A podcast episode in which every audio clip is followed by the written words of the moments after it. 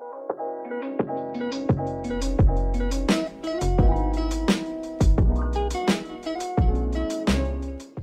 anda listener, semoga kalian baik-baik aja ya. Uh, di sini pastinya gue nggak sendiri, gue ditemenin sama uh, host terbaru gue ya. Karena gue di sini di Tapstock ini baru pertama kali dan ya langsung coba aja ya. Nah di sini gue ditemenin nih sama partner gue. Di sini ada siapa ya? Halo, nama aku Cindy.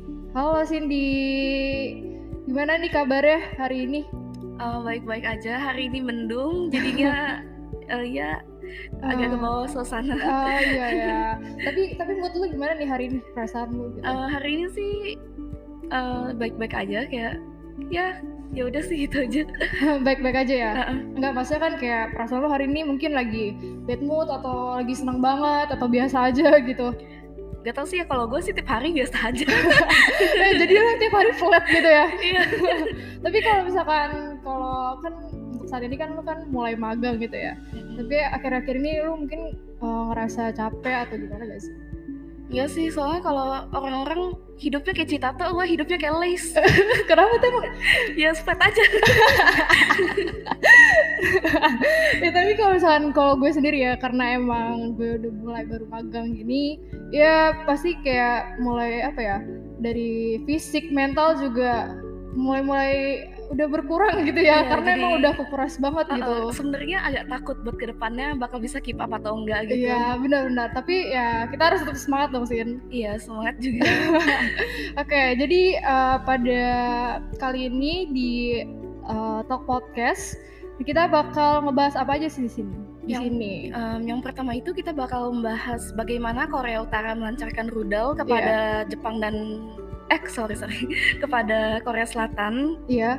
Kemudian kita akan membahas uh, penyesuaian asimilasi budaya dalam generasi muda di Indonesia dan apakah hal itu berbahaya. Iya. Kemudian yang terakhir kita akan membahas uh, bagaimana area parkir khusus wanita di Korea disingkirkan setelah 14 tahun eksis. Oke, jadi yang listener uh, untuk tab stok kali ini kita banyak bahas tentang ya seputar-seputar apa ya? Uh, Indonesia ada di pokoknya Asia gitulah ya, sini ya. Nah, jadi untuk berita yang pertama ini ada tentang uh, Korut kembali tembakan dua rudal. Jepang serukan pertemuan Dewan Keamanan PBB. Nah, menurut pendapat lu nih Sin, gimana nih tentang Korea Utara uh, kembali tembakan dua rudal? Nah, gimana tuh? Uh, kalau misalkan kita lihat dari backgroundnya itu sebenarnya kan uh, sebelumnya itu ada seperti latihan militer di yeah. udara antara mm-hmm. Amerika Serikat dengan Korea Selatan. Yeah. Dan Jepang itu juga kayak mengikuti apa sih namanya? Dia punya uh, latihan militer. Yeah. Jadi uh, Korea Utara ini melihat latihan militer tersebut dan dia merasa terancam gitu kan. Jadinya yeah. dia menembakkan rudalnya itu ke arah Jepang karena uh, kalau dilihat secara kalau gue tebak-tebak kayak lo dulu jurusan IPS ya, sih Enggak, gue jurusan IPA cuma gue oh, masuk HI. jurusan IPA. Gue kira kan maksudnya lo kayak paham banget nih tentang sejarah-sejarah Korea Utara, Korea Selatan gitu kan. Um, gak juga sih, tapi cuma gue emang lumayan suka sejarah gitu. Oh, lumayan suka iya. ya. Nah, kalau gue sendiri kan emang gue jurusan IPS, tapi ya gue juga sambil masih belajar ya tentang Korea Utara, Korea Selatan ini. Nah, tapi kalau misalkan ngomongin Korea Utara nih, lu tau gak sih tentang latar belakang Korea Utara sama Korea Selatan gitu?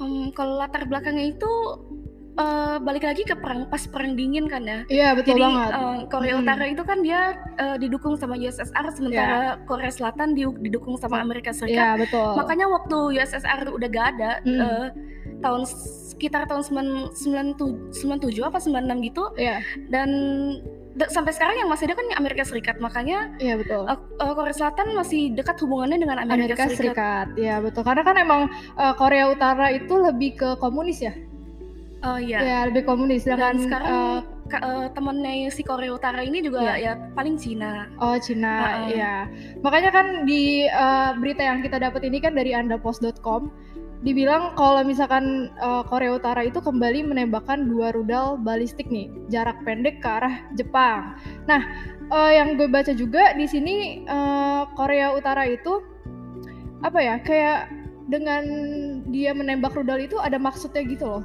Tapi gue nggak tahu sih sebenarnya gimana.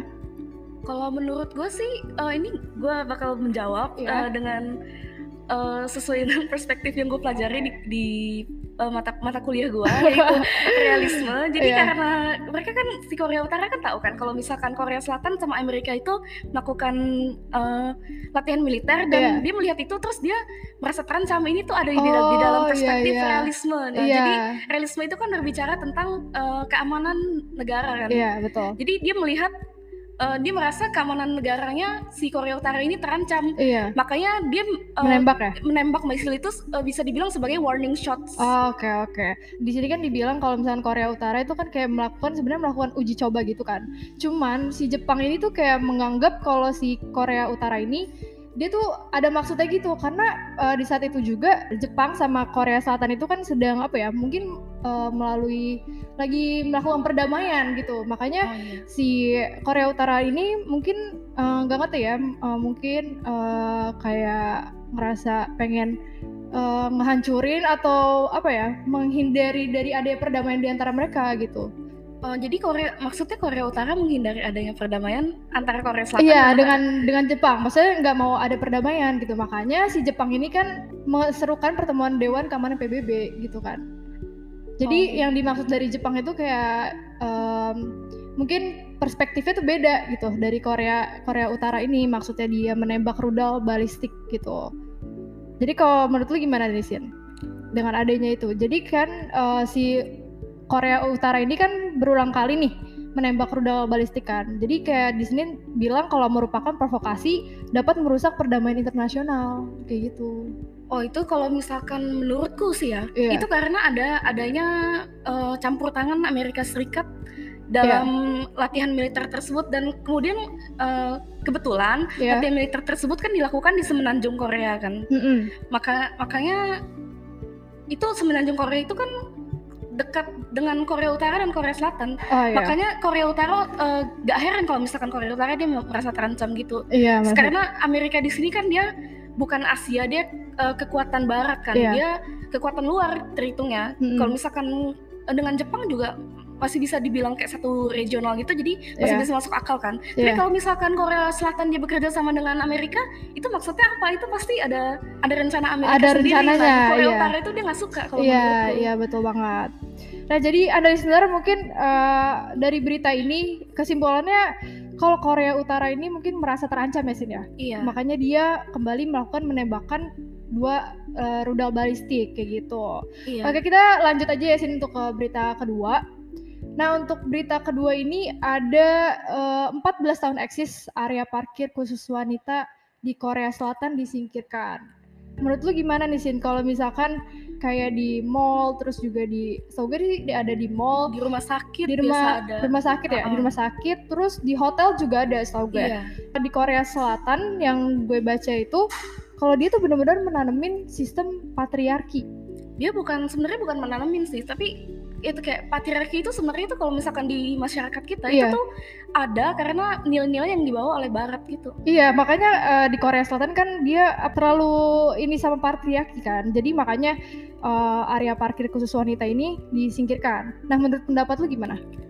Kalau menurut gue sih itu uh, benar-benar bakal berdampak banget sama ini ya, kesel bukan keamanan uh, wanita yang membawa mobil dan mereka parkir di tempat parkir itu yeah. kalau misalkan dilihat tahun 2021 itu uh, statistikanya bilang kalau misalkan di Korea Selatan sebagian besar yeah. tindak kriminal yang terjadi di tempat di tempat parkir itu ada sangat besar mohon ya? maaf ada pemerkosaan yeah, ada betul. pencurian mm -hmm. ada pelecehan gitu kan yeah. uh, itu kan hal-hal yang bakal menimbulkan trauma yeah. jadi peluang besar gak sih kalau misalkan yeah, itu kalau yeah. misalkan nggak ada tempat parkir khusus khusus wanita uh -uh ya tempat parkirnya jadi mereka harus parkir di tempat yang jauh kan iya. dan itu buat buat kalau misalkan ada orang yang kayak ngestok dia iya, ngikutin betul. dia dari belakang mm -hmm. atau tiba-tiba menyerang dia itu wanitanya kan bakal sus susah kabur iya. dan masuk ke dalam gedung gitu mm -hmm. nah itu ya sama aja sih halnya kayak di Indonesia kan makanya iya. di mall di hotel itu ada khusus parkir wanita karena emang yang gue tahu tuh khusus parkir wanita itu uh, jaraknya agak luas jadi emang dikhususkan karena kan mungkin kalau wanita itu agak apa ya mungkin agak ribet atau mungkin agak susah gitu jadi emang disengajain agar lebih luas lagi gitu parkirnya dan juga uh, kalau di Indonesia gitu ya sama aja sih hal kayak di Korea Selatan kan emang banyak terjadi uh, kayak tadi pelecehan, pelecehan seksual gitu kan. Makanya adanya si parkir khusus wanita ini. Nah, terus kalau misalkan tentang khusus parkir wanita di Korea Selatan nih kan disingkirkan tuh. Kan dia selama 14 tahun berjalan makanya disingkirkan. Nah itu menurut lo gimana tuh? Kalau misalkan emang dia kan karena yang gue baca tuh emang Korea Selatan benar-benar ini sama part, sistem patriarki itu. Jadi iya, dan yang kental. iya dan gue baca bahkan ada seorang wanita yang nggak mau menikah karena hal itu gitu. Iya banyak. Iya. sampai sekarang Korea Selatan kan kurang generasi mudanya Iya betul ya. Makanya uh, mereka tuh lebih cenderung untuk uh, sendiri aja gitu karena emang di sana uh, sistem patriarkinya itu sangat kental banget kayak gitu. Nah untuk sejarahnya nih Sin, lu tau gak sih pertama kali dengan adanya si area parkir khusus wanita ini? Kalau misalkan menurut sejarahnya itu uh, pertama kali ada di Jerman yeah. dan dengan alasan yang sama yeah. ya karena ya ada kalau misalkan kata orang iya yeah, adanya mungkin banyak eh, kasus-kasus uh, yang menimpa ke wanita gitu ya jadi yeah. jadi makanya diadain adanya khusus parkir untuk wanita gitu kan Iya, pertama kali betul ada di Jerman. Terus juga kalau nggak salah selain Korea Selatan juga ada di Cina ya di Cina, di Cina sama di Jepang juga ada. Di Jepang ya. Ya, ini menarik banget sih karena kalau misalkan ngomongin tentang area khusus parkir wanita ini, gue tuh langsung kepikiran gue orangnya tuh kalau ke mana-mana suka naik transportasi umum. Gue juga naik transportasi umum. Iya kan? Karena lebih murah. Iya betul. Lebih hemat juga kan? Dan lebih eco friendly iya Nah itu juga ada khusus wanitanya juga kan? Kayak iya. KRL itu ada khusus wanita di gerbong paling depan sama iya. belakang. Dan ya alasannya sama karena banyak nah, terjadi iya. pelecehan terhadap wanita. Iya. Dan juga di Transjakarta juga ada tau gue. Iya. Khusus bus khusus wanita gitu. Iya. Barusan aku uh, ke sini ke iya. kantor yeah. naik bus khusus wanita. Oh gitu. Gimana tuh pengalaman khusus uh, gimana ya? Mas apa beda atau sama aja gitu? sama aja sih cuma ya uh, kalau aku sih selama ini belum pernah dilecehkan di bus gitu iya. jadinya eh jangan ya, sampai iya jangan, jangan sampai, sampai amit-amit sih amit, cuma amit, ya, ya. ya uh, kualitasnya sama aja. Mm-hmm. cuma memang lebih merasa memberikan rasa aman kepada iya, penumpangnya. Iya dan juga lebih apa ya lebih nyaman aja gak sih kalau misalkan sesama wanita gitu ya? Mm-hmm. jadi ya untuk meminimalisir terjadinya hal seperti itu kayak pelecehan gitu. Karena kan emang uh, yang gue dengar dari berita tuh nggak sampai sekarang ini tuh masih banyak kasus-kasus kayak gitu di transportasi umum ya. Iya. KRL. Terus kalau nggak salah belum lama ada juga di Transjakarta gue baca. Iya di Twitter. Iya itu, itu lagi trending banget gak sih? itu sampai bapak-bapaknya dikejar terus dia apa jatuh, jatuh gitu. dan yeah. jatuhin diri dari iya betul uh, dari uh, karena emang gimana ya emang banyak banget sih kasus-kasus kayak gitu di Indonesia kan iya sama halnya ya dan ini kalau menurutku sih sebenarnya sebatas di pisahin gerbongnya atau dipisahin yeah. transportasinya itu uh, mungkin bisa menjadi uh, salah satu langkah untuk mencegah. Tapi yeah kalau misalkan mau mencegah secara secara seluruhnya itu sebenarnya tuh harusnya dikasih dari anak-anak tuh dikasih apa sih kayak pembelajaran gitu kalau oh, misalkan. iya edukasi gitu iya, ya. edukasi gitu. Iya Jadi iya. supaya lebih mengontrol. Oke. Okay. nah uh, ini kan tadi kita bicara uh, tentang uh, tentang ladies parkir gitu kan nah untuk uh, ada listener mungkin kalau misalkan pernah naik kendaraan umum pasti kan ada tuh kan yang khusus wanita gitu kan makanya emang diadain itu biar kita terhindar dari adanya perilaku-perilaku yang yang merugikan wanita gitu iya. kan. Iya. Kita langsung ke berita ketiga aja ya sini ya. Di sini tuh ada tentang uh, penyesuaian asimilasi budaya dalam generasi muda iya, di Indonesia. dalam generasi muda di Indonesia. Nah, ini kan dia tanya nih berbahaya atau enggak gitu kan. Nah, kalau menurut gue sendiri kan sebenarnya itu tentang asimilasi itu ada sisi positif sama negatifnya sih. Kalau bagi gue ya, itu sisi positifnya adanya asimilasi itu ya menimbulkan adanya rasa kerukunan, kerukunan dan juga uh, adanya hubungan relasi yang lebih luas. Karena kan asimilasi itu kan lebih ke kita kenal budaya baru ya. Nah, terus kalau untuk uh, sisi negatifnya mungkin lebih ke kalau misalkan kita um, kan asimilasi itu kan kita mengenal kebudayaan baru. Jadi ya kebudayaan lama kita tuh hilang gitu kan. Nah kalau menurut gue sih kayak gitu sih kalau lu sendiri kayak gimana tuh? Kalau tentang... menurut gue sih iya. uh, positifnya sama seperti yang lu sebutin, mm-hmm. cuma uh, ada satu lagi yaitu dari budaya baru itu orang-orang tuh dapat belajar kalau misalnya yeah, ada dapat belajar kayak hal-hal positif yeah, uh, yang dapat timbul dari budaya yeah, luar gitu. Iya, yeah, betul banget. Di Anda Post ini kan dibilang kalau banyak para generasi muda khususnya pada media sosial TikTok yang sangat antusias mendengarkan perpaduan budaya dalam dalam uh, satu lagu. Nah di sini tuh ada tentang lagu musik Jawa dan electronic dance music atau EDM. Nah itu emang sekarang kan maksudnya banyak banget gitu kan lagu-lagu kayak gitu. Nah lu salah satunya kayak pecinta lagu kayak gitu gak sih? Kalau gue sih personal enggak, cuma lagu Lati ini kan Oh ya. Cuma gue tuh tahu gitu karena memang ini tuh sangat-sangat ngetren gitu jadinya yeah. gue mau gak mau gue juga tahu lagunya itu kayak yeah. gimana, uh, lu takut, gimana. Ya lu takut FOMO ya? FOMO sih cuma Aduh, itu tuh ya? kayak gara-gara algoritma sosial media itu yeah. tuh iya. kayak shove into my face gitu. Tapi emang lagu yang latih itu emang asik banget gak sih? Yeah, kayak perpaduan dari ada gamelan gitu kan, jadi asik banget gitu. Tapi menurut gue itu benar-benar kreatif sih karena ya yeah. biasa kan orang-orang malas dengerin lagu-lagu dengan instrumen yang kayak gitu yeah. gara-gara dianggapnya terlalu tradisional lah udah yeah, gak, udah gak ikutin zaman mm -hmm. tapi ini dibikin EDM jadi asik jadi gitu asik lagunya. banget gitu kan kayak ada semi-semi apa ya pokoknya yeah. ada yang jadi pop gitu kan uh -uh. nah itu emang keren banget sih lagunya Lati waktu itu kan lagi viral banget di tahun berapa ya kalau nggak salah ya sekitar berapa ya? Uh, gue lupa juga kalau nggak salah pas gue SMP kali ya sekitar 2015an masa sih? Iya SMP Lati yang yang IDM atau iya IDM SMP apa SMP ya? Lu umur berapa? Oke, kita lanjut aja ya ke ke uh, berita tadi.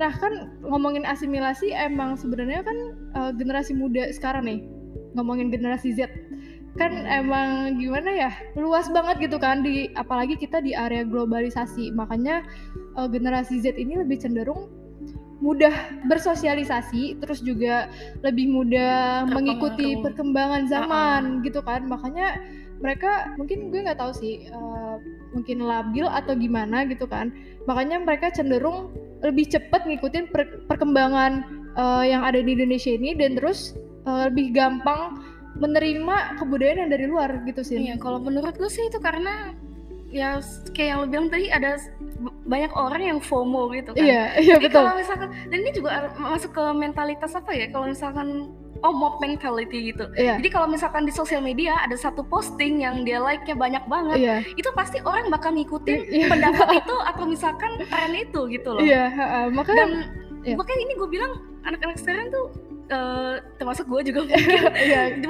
gampang terpengaruh gitu jadi mm -hmm. dia tapi ada beberapa orang yang bijak kalau misalkan dia bijak yeah. dia itu mengikuti zaman tapi dia uh, tetap menyortir memfilter apa yang yeah, datang betul. Uh, ke timeline dia, iya, ke hidup dia gitu. Iya benar-benar. Karena emang uh, FOMO itu banyak sih. Maksudnya nggak cuma gue yang gue rasain gitu. Teman-teman gue juga kayak, aduh gue FOMO banget gini pengen ikutin yang lagi tren sekarang gitu kan. Dan apa ya? Kalau ngomongin asimilasi ini kan sebenarnya uh, luas ya sih ya. Kayak misalnya salah satunya, eh salah satu contoh aja gitu di Indonesia. Kalau ngomongin soal K-pop gitu kan. Iya. Nah itu kan termasuk juga termasuk bagian dari asimilasi kan Sebenarnya kalau misalkan K-pop itu lebih ke diplomasi budaya sih ya, nggak bisa dibilang asimilasi karena iya. itu kita tuh dapatnya tuh dari adaptasi bukan kayak iya. kalau asimilasi kan orang orang Koreanya datang ke Indonesia terus iya. dia memperkenalkan iya. gini gitu segala macam. Mm. Nah kalau misalkan kayak budaya K-pop tuh uh, menurut aku mm-hmm. dia lebih banyak diambil dari adaptasi, adaptasi bukan ya? asimilasi. Ya? Karena adaptasi kalau misalkan kita lihat K-pop kan di internet, iya. kita mm-hmm. kita nggak kita nggak kayak kontak langsung dengan iya, K-pop gitu loh. Iya, karena iya. kita bukan orang Korea Selatan. Karena kayak kita lebih apa ya, lebih menggemarkan gitu ya, lebih uh -uh. pak lebih gemar sama orang sana gitu. Tapi kalau dari uh, pandangan gue sih, karena emang mungkin ya emang banyak banget sih generasi muda yang suka yang suka K-pop gitu kan. Karena tapi jujur kalau gue sendiri gue nggak ngikutin sama sekali sih kalau nggak ngikutin. ngikutin K-pop. Yeah. Tapi kalau uh, dari sisi pandangan gue kayak banyak orang uh, termasuk Indonesia gitu kan yang terlalu apa ya terlalu fanatik gitu jadi gue nggak tahu kalau ngomongin tentang asimilasi ini bakal kayak dia tuh uh, sebenarnya tuh ngilangin budaya mereka sendiri atau enggak gitu karena kan emang asimilasi itu sendiri kan dia uh, mempunyai kebudayaan baru dari luar, tapi dia juga menghilangkan kebudayaan sendiri. Karena kan gimana ya, kita sebagai orang Indonesia tuh nggak boleh ngelepas budaya kita juga nggak sih, Jen? Kalau menurut gue masalah K-pop ini, gue yeah. mungkin punya pandangan yang sangat berbeda daripada orang lainnya. Yeah. Kalau menurut gue yang K-pop ini tuh lebih masuk ke cultural imperialism sih. Oh, yeah. Karena ya kita, gimana ya kayak K-pop itu secara masif dipromosikan mm -hmm. di Indonesia, sementara Indonesia itu gak ada gak ada yang dipromosikan ke Korea gitu. Yeah. Kayak kayak sebenarnya kalau misalkan kita lihat dari uh, pengalaman aku lihat iya. komentar-komentar orang Korea soal hmm. Indonesia, mereka tuh mikirnya kita negara terbelakang gitu yeah. Nah makanya uh, sementara orang Indonesia itu dia yeah. mengagung-agungkan K-pop, tapi orang orang, orang Korea, Korea mikir kita iya, tuh iya betul karena emang kayak contohnya aja mungkin mulai dari produk fashionable gitu mm -hmm. kan banyak kan apa kayak model-model Korea masuk ke Indonesia gitu. Mm -hmm. Sedangkan dari Indonesia sendiri gak ada gitu kan ke sana. Maksudnya yang uh, yang ada di Koreanya gitu kan. Sebenarnya kalau misalkan asimilasi aku punya satu contoh yeah. itu seperti yang dibilang di berita ini kan yeah. ada